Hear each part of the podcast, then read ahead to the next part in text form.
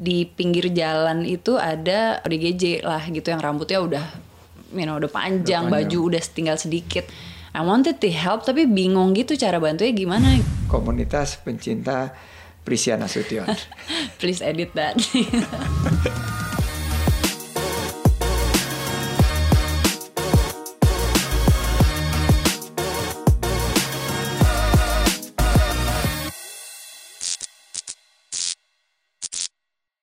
Kayaknya kita mesti pakai ini deh. oh gitu ya. Ah, kita pakai ini Kirain biar, kayak- biar kayaknya podcast beneran gitu lah.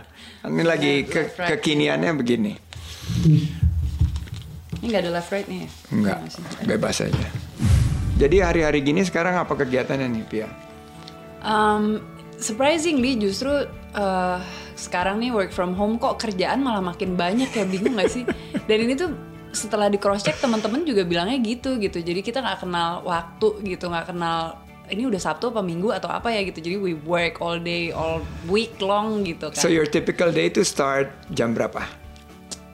Um, berhubung kalau bulan puasa sih typical day starts lebih siang dari biasanya Lebih gitu kan siang. karena kan biasanya habis sholat subuh uh, habis subuh pasti tidur lagi dulu Iya, gitu started at 10 ish lah Um, terus ya udah uh, mulai dari situ biasalah zoom call zoom meeting apa segala macem.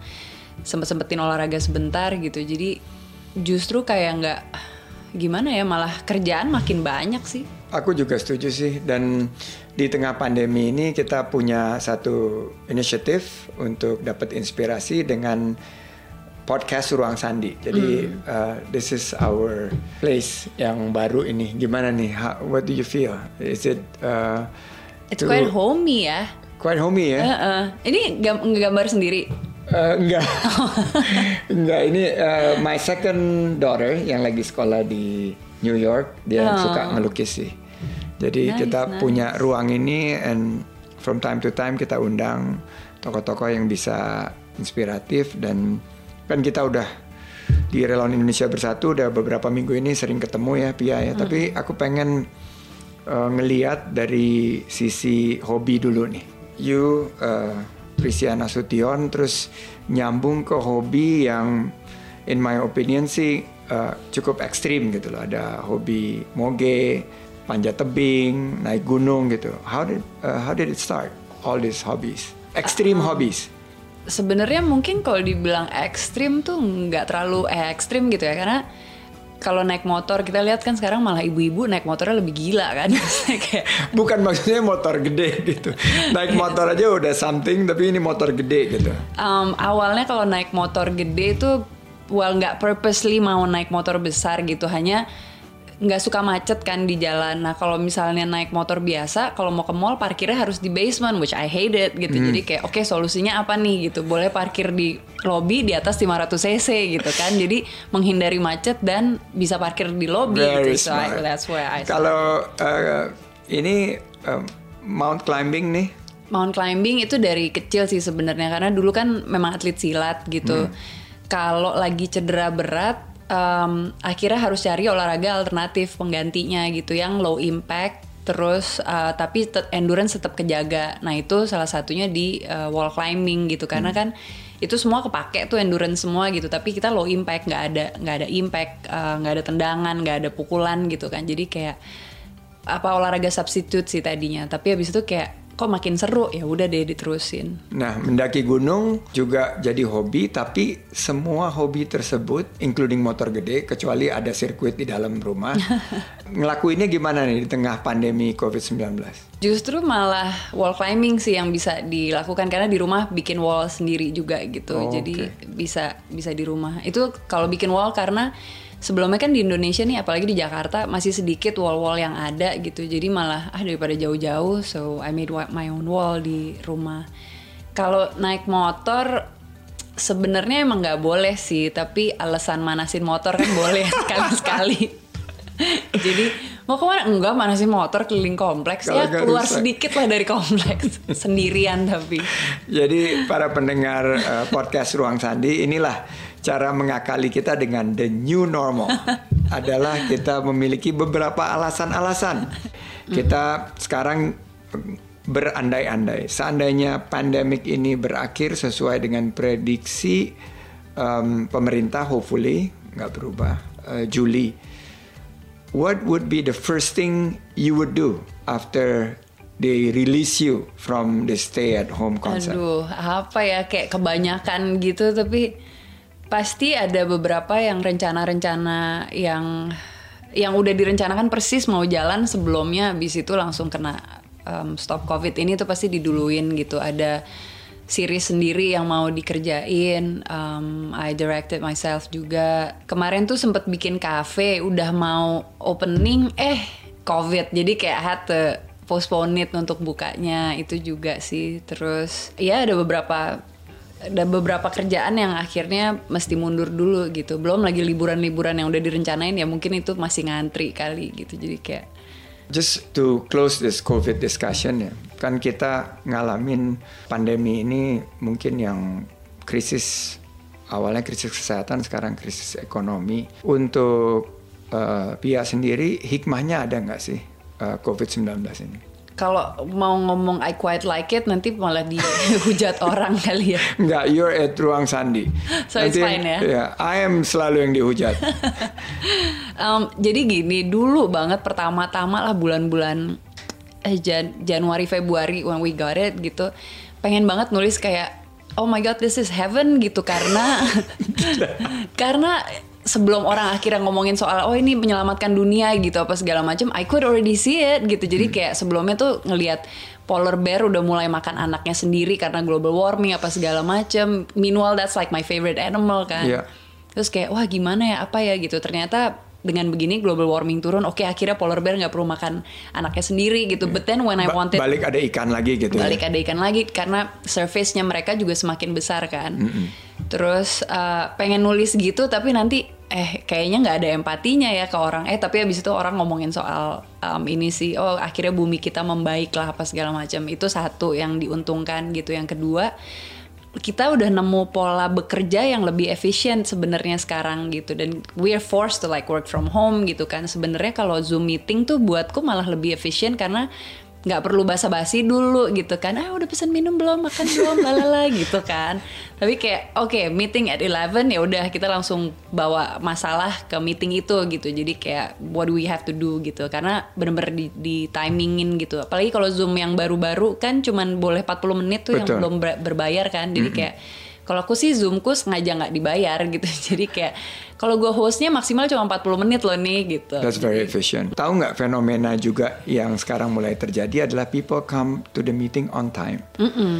Jadi kalau misalnya ada yang telat 10-15 menit, orang nggak peduli, mereka mulai aja gitu loh. Ya, yeah, you're right. Uh, ini bumi sekarang lagi take a break. Kalau lihat udara di Jakarta juga air Biru quality indexnya, ya. uh, langitnya bagus, terus air quality indexnya bagus it seems much nicer tapi it's part of uh, beberapa silver lining ya. Memang COVID-19 ini berat buat semua orang dan kita sangat prihatin. Tapi ini saya perlu ngomong nih sama hal yang betul-betul fenomenal. Menurut saya you started something yang very impressive.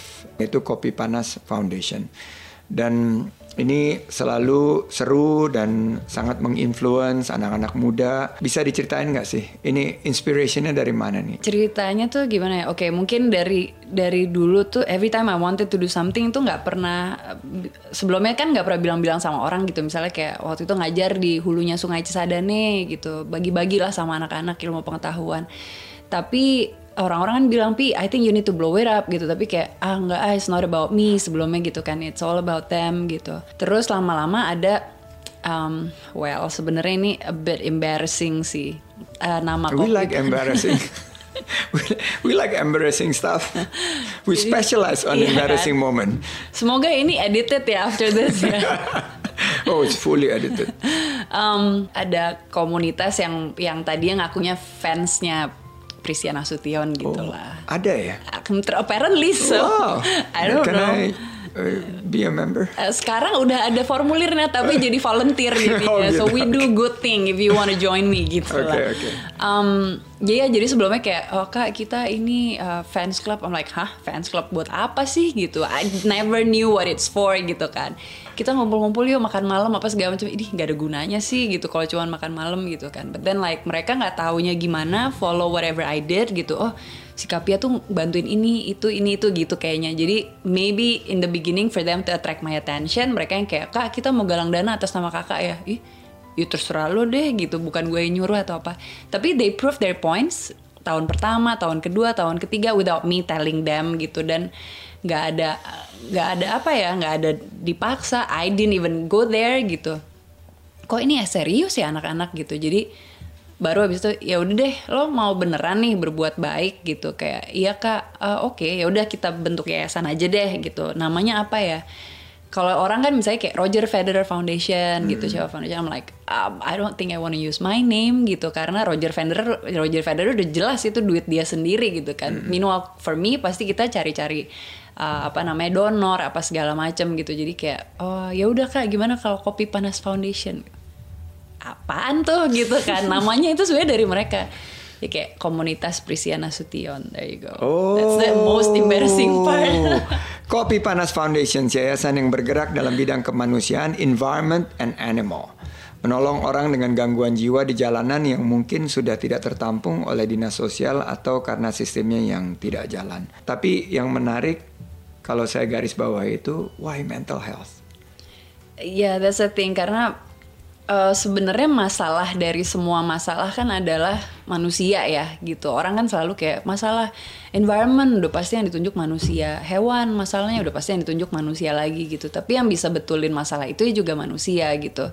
Sebelum itu semua ya berarti kan um, yang harus dilihat manusia salahnya di mana nih gitu. Mungkin mental healthnya mereka gitu. Kalau kita punya mental health yang eh punya mental yang sehat gitu, pasti kita ngelihat semua tuh bisa positif dan nggak saling tunjuk-tunjukkan gitu, nggak saling nyalah-nyalahin orang gitu. Kita malah bisa gandengan untuk membuat yang lebih baik lah gitu. Itu kalau ngomongin mental health sendiri. Belum lagi kalau ngurusin panti panti mental health tuh panti ODGJ lah ya orang dengan gangguan jiwa itu another problem lagi gitu sih. Jadi kayaknya we should start there gitu. Pernah punya pengalaman mengetuk pintu hati nggak dengan uh, teman-teman yang ODGJ? Waktu itu ke Bandung ngeliat di di pinggir jalan itu ada um, ODGJ lah gitu yang rambutnya udah you know udah panjang, udah panjang. baju udah tinggal sedikit gitu. I wanted to help tapi bingung gitu cara bantunya gimana gitu hmm, kasih uang I don't think that's a solution gitu ini pasti yang ada malah dijahatin orang uangnya diambil gitu atau uangnya disobek-sobek gitu mau ngasih makan tapi itu cuma sekali aja gitu ya udah and then nyetir mobil my car goes on gitu kan sambil kepikiran eh kok gue lihat ada orang perlu dibantu tapi I don't do anything ya gitu. Kepikiran terus kepikiran terus lama-lama iya ya gimana ya cara bantu mereka? Gitu. Awalnya sih dari situ akhirnya ya udah ngulik lebih lanjut. Ada nggak sih panti dinas sosial itu apa rumah sakit jiwa itu apa gitu. Jadi mulai nelaah lebih dalam sih. Di Jakarta sendiri seperti kita ketahui riset terakhir 20 persen uh, masyarakat yang memiliki some kind of prevalensi kejiwaan baik yang ringan maupun yang sangat berat. In my own family, uh, I have very close member of my family yang me mendapatkan uh, gangguan kejiwaan.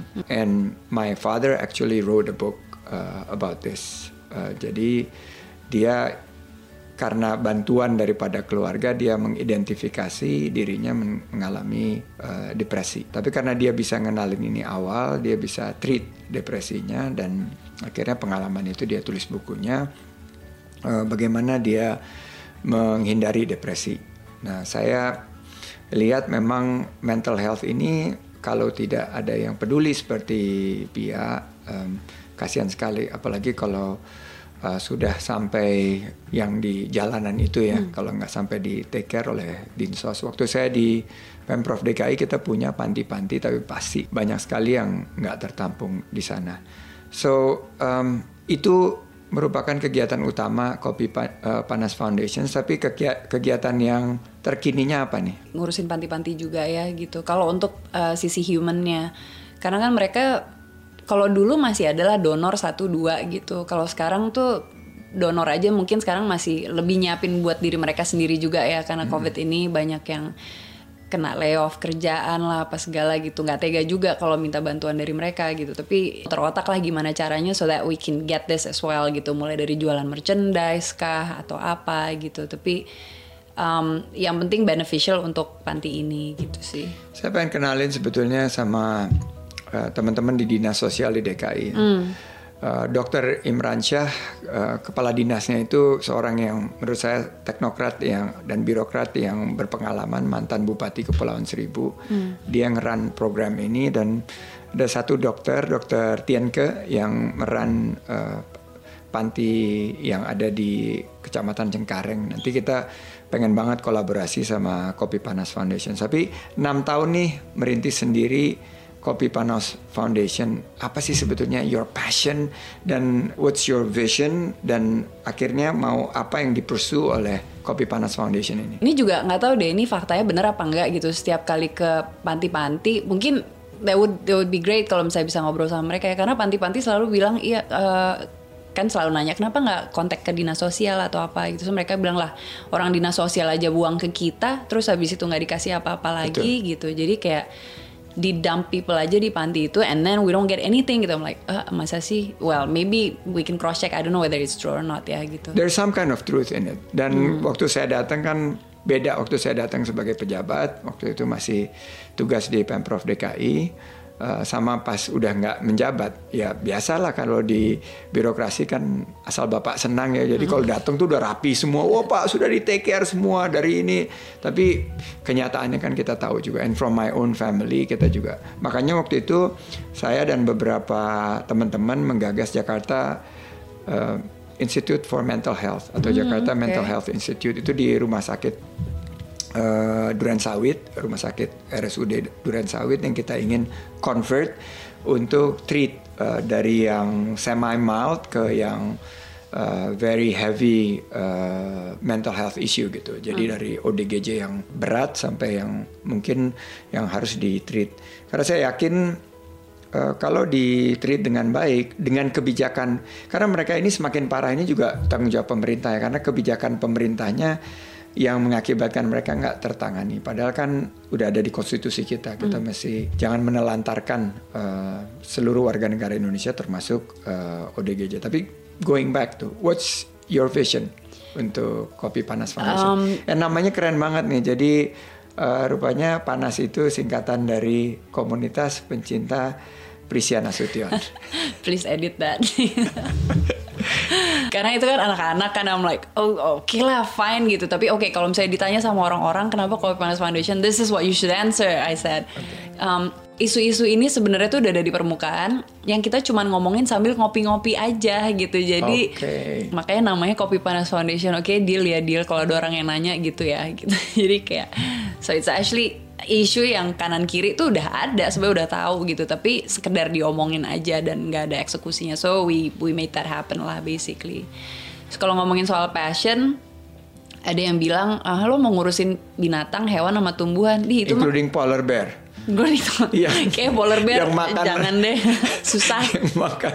Jauh banget ke kutub. Uh, uh. ada yang bilang kan lo mau ngurusin manusia, hewan sama tumbuhan sih itu itu mah pekerjaan Tuhan katanya gitu kan karena ngurusin semua like, That's not true actually. Well, tugas harusnya kita tugas kita kan. Maksudnya kayak karena I cannot choose gitu. Misalnya kayak ada satu yayasan, oke okay, kita ngurusinnya manusia aja atau environment aja atau animal aja gitu. I'm like I can't choose gitu mau ngurusin manusia aja ngelihat hewan terlantar there's no way I'm not going to look at it gitu. Ngelihat environment yang rusak masa iya diem aja juga gitu. Jadi emang banyak maunya aja sih kayak banyak yang harus dipikirin gitu. Jadinya kayak ya udah sebisa mungkin sih sebenarnya my own vision adalah gini gimana caranya kita bawa ini ke permukaan isu ini. Ketika ini udah ditangkap sama orang kita bisa masuk ke isu lain yang sebenarnya it's crucial tapi orang nggak ngeliat gitu. Kayak ODGJ nih kita ngerjainnya udah berapa ya? Udah hampir dua setengah tahun. Tapi orang udah mulai nengok nih, tapi belum ada yang oh, let's do it gitu. Jadi kayak masih kita yang kerja keras sendiri gitu.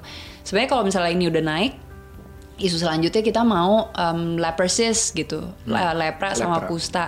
Karena kan eh, belum apa ya stigma masih terlalu negatif yeah. gitu. Kalau misalnya hidungnya keburu copot atau tangannya keburu copot, nggak ada yang mau kerjakan yeah. mereka gitu. So we really need to go there as well gitu. Terus belum lagi mantan atlet itu juga isu sendiri gitu karena yeah. masa-masa apa potensialnya dia dia kasih semuanya buat negara. Pada akhirnya dia kompetensi mereka nggak ada buat pekerjaan apa segala macam. Hidupnya susah sekarang gitu. Jadi kayak aduh banyak banget ya ini isu yang harus diangkat gitu. Tapi of course I can't walk uh, work alone. Kayak isu ODGJ ah cepetan deh naik ke permukaan. Siapa kayak mau ambil ambil deh gitu. Biar we can start again something new gitu. Eh, probably um, ini saya juga suka ditanya what is in it for you? gitu loh. Why are you doing this? Why are you wasting your precious time. Yang mestinya bisa istirahat habis syuting bisa sama keluarga sama teman-teman. Tapi why are you doing this dengan teman-teman dari Prisiana Nasution Fans Club? Untungnya di mana gitu loh. Iya juga ya untungnya buat gue apa ya gitu. Selama ini kayak waktu di Ciwalu lah let's say bantuin RMI Rimbawan Muda Indonesia. Every weekend gitu Sabtu Minggu I help them ke caranya tuh ke hulunya Sungai Cisadane gitu. Jadi dari Lido Kampung Lido masuk lagi dan kita jalan kaki lagi dua jam sampai sana baru ketemu sama kampung itu gitu. Kalau ditanya what's in it for me justru kok I feel like saya tuh dapatnya lebih banyak gitu. Dapat liburan gratis di pinggir sungai gitu kan. When can you get that gitu? Dipaksa untuk seminggu sekali I have to refresh my mind dengan pergi ke situ gitu. Itu satu. Terus yang kedua mereka tuh giving me a lot of knowledge yang I cannot get it in city gitu di kota tuh nggak ngerti gimana cara nanam padi gitu. Sementara mereka yang kayak kak mau tahu nggak cara nanam padi gimana? Hah gimana emang? Mau belajar di mana? Di mall mana? Kayak udah nggak ada. gitu kan. Terus um, banyak sekali apa namanya the things that I could get malah dari mereka gitu. Jadi kayak oh I could learn a lot sebenarnya. Terus ngurusin yayasan sekarang apa segala macem. I tried tuh satu tahun waktu itu udah nggak mau bantuin siapa-siapa pengen tahu rasanya apa gitu. Tanpa disadari jadi satu tahun itu bener-bener nggak ada yang minta bantuan. Emang diniatin tuh nggak mau bantuin orang selama satu tahun gitu. Nggak ada yang minta bantuan emang nggak bantuin orang. Dan lupa gitu kan. Terus habis itu tiba-tiba ngerasa kayak kayaknya besok gue mati deh nih ini apa ya? Rasa yang kayak kayaknya pernah nggak sih ngerasa kalau misalnya tidur kayak besok gak bangun deh nih gitu kan. Sampai nelfon Ustadz waktu itu eh, Kang Erik Yusuf inget oh Ustadz Erik Yusuf. Ya, eh, Kang eh, ketemuan dong gitu. Karena memang ini dulu ya sebelum masa-masa kampanye atau apa pun yang terjadi dulu lah way back then. Kang kasih tahu dong kalau orang udah habis meninggal tuh ke mana ya gitu. Kenapa emang? No, I feel like ah, gue nih nggak bakal bangun lagi nih gitu. empty ya. Heeh, terus kayak oh ya nanti ke alam baka aduh jangan ceritain yang kayak gitu gitu. Itu pelajaran waktu SD lah gitu. Terus dia bilang ya saya juga belum pernah meninggal pi so I cannot tell you what gitu kan. But then like dipikir-pikir lagi oh maybe because I don't have any purpose in life gitu. Makanya I feel empty. So helping others it actually helps me a lot sih. So that's true ya, dan aku juga ngalamin uh, pas melakukan itu sebetulnya dari luar kelihatannya kita yang berkegiatan sosial, tapi sebetulnya kita yang dapat banyak banget dari kegiatan-kegiatan dan kita dapat inspirasi. Menarik juga ini bahwa banyak artis-artis yang diajakin untuk mengkampanyekan dan memberi solusi di isu-isu sosial keren banget. Nah, untuk kalangan artis sendiri waktu ngajak-ngajaknya itu susah nggak? lumayan sih karena isu ODGJ kan masih isu yang apaan sih Pi gitu kayak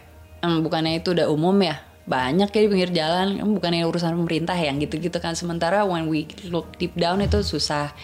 Sebenarnya kalau misalnya kayak ngurusin oh ada korban gempa that would be easier. Ayo galang dana pakai konser atau apa gitu. Ini sebenarnya susah sih di awal tapi ya sistem todong menodong aja lah gitu sesama temen. Udah sih bantuin gue cuman nge-repost story aja gitu gitu gitu sih awalannya. Jadi emang karena isu ini belum kelihatan banget ya itu yang yang beratnya sih di situ gitu teman-teman ini juga punya kepedulian yang luar biasa ya. Dan begitu mereka di provoke, eh, mereka mau bantu. Keren banget. Iya. Nah, kita bicara pandemi COVID-19. Kita ada relawan Indonesia Bersatu kemarin, udah ada beberapa kegiatan. Eh, kemarin kita di Bandara Soekarno-Hatta Hmm. eh, lakukan rapid test, terus kita juga ada kegiatan sosial di Kampung Kerang Ijo di Iya, sorry, I Kepulauan couldn't Ada oke, join. oke. Eh, bisa um, eh, kita rolling kok.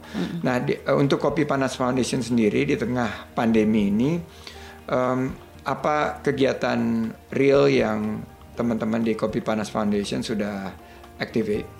um, kemarin sebelum join ke Relawan Indonesia Bersatu kita udah uh, apa namanya disinfektan panti yang kita lakukan ya nggak bisa nggak bisa cuma sekali disinfektan kan karena mereka mereka aja nggak bisa bersihin karena, diri mereka sendiri kan gitu harus kan. rutin itu ya harus rutin dan mereka sendiri untuk kebersihan diri sendiri aja masih masih belum bisa bertanggung jawab terhadap kesehatan diri sendiri lah basically mereka jadi harus misalnya disinfektan tangan gitu. Ayo ngantri satu-satu disemprotin hand sanitizer gitu. Terus juga um, disinfektan mandiri pantinya tuh kita ya browse semi browsing gitu deh gimana sih caranya disinfektan mandiri oh ternyata ini campur ini campur ini oke okay, and then we educate them untuk itu sambil ya tetap um, makan mereka harus dijaga sama tambahannya ya uh, donasi vitamin sih kalau sekarang karena kan mereka nggak bisa ngerasa sakit kan yeah dan itu untuk uh, boosting dari immunity. Yes. Nah, biasanya social foundation, uh, social entrepreneurship. Uh, jadi kalau saya terminologi buat PIA ini entrepreneur sosial. Uh, biasanya kan kita punya dashboard gitu untuk mengukur impact. Nah, udah ada dashboard nggak di Kopi Panas Foundation yang mengukur efek yang terjadi uh, dari kegiatan-kegiatan Yayasan Kopi Panas Foundation? Dengan target sih gitu. Jadi kalau misalnya kita udah achieve target, ya udah itu dashboard kita gitu. Um, misalnya kayak ada satu panti yang sebelumnya tempat tinggalnya udah nggak layak sama sekali lah gitu. Kita coba bangunin gedung itu kan juga nggak murah. Which sekarang juga belum banyak donor yang nengok untuk isu ini. CSR belum ada gitu. Karena CSR kan paling nggak pendidikan ke apa gitu. Isu lo ada urusan apa pendidikan nggak? I don't think so. Kesehatan mungkin kalau mau dianggap gangguan jiwa Loh, itu kesehatan. Itu gitu. definitely kesehatan. Iya kan, tapi mental buat health mereka, is part of kesehatan. Uh, buat mereka tuh yang kelihatan kesehatan vividly tuh HIV misalnya itu udah pasti kesehatan gitu apa Udah banyak macam. yang ngerjain. Uh -uh, makanya kayak mental health well this is kesehatan sih. Boleh nggak can you look at it as kesehatan? Gitu. Hmm. tapi uh, sedikit susah dan gampang sih. Jadi mereka makan bisa ke cover yang gitu-gitu sih. For us that's a you know it's a good thing already lah. Walaupun kita belum bisa bawa dokter masuk ya gitu. Karena satu dokter masih mahal dan obat-obatan tuh satu dokter harus memantau obat-obatannya. Bukan sih cuma sekedar mahal. Yang punya panti juga masih agak apa nih dokter what are you going to do with our patient gitu. Jadi masih agak pro kontra juga sih.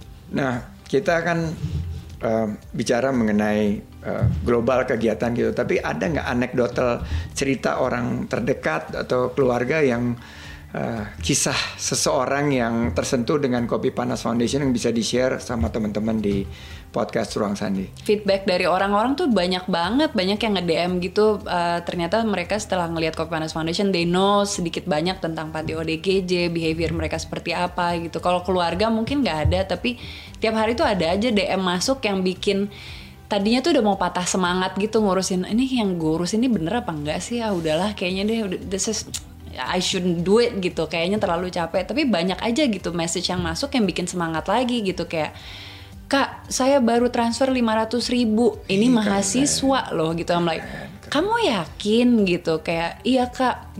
Aku ada di bank accountnya waktu itu 500 ribu. I'm like antara tega nggak tega gitu iya. kan. Yeah. kayak uh, aku Amazing. mau kakak terus ngerjain ini gitu. I'm like wow gitu. Terus ada lagi yang masuk lainnya.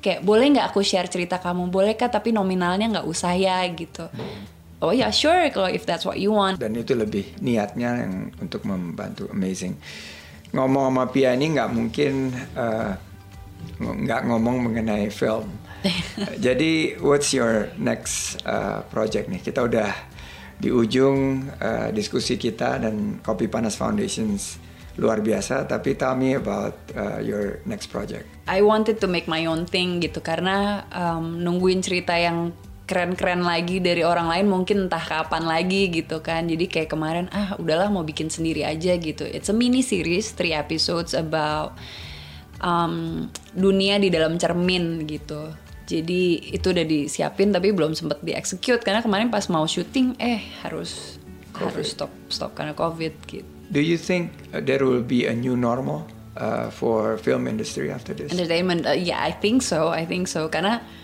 persis sebelum covid ini, um, I was like thinking right, kayak dulu kita zamannya analog, kayak mungkin anak-anak zaman sekarang nggak ngerti deh tuh analog apa gitu. Terus kita pindah ke digital. Hmm and then like end of last year deh I was like what's after digital ya what's after digital ya gitu karena takut nih tiba-tiba masuk ke era baru yang kita sendiri nggak bisa ke include gitu And then I was like, I think AI deh, artificial intelligence gitu. That's what's next.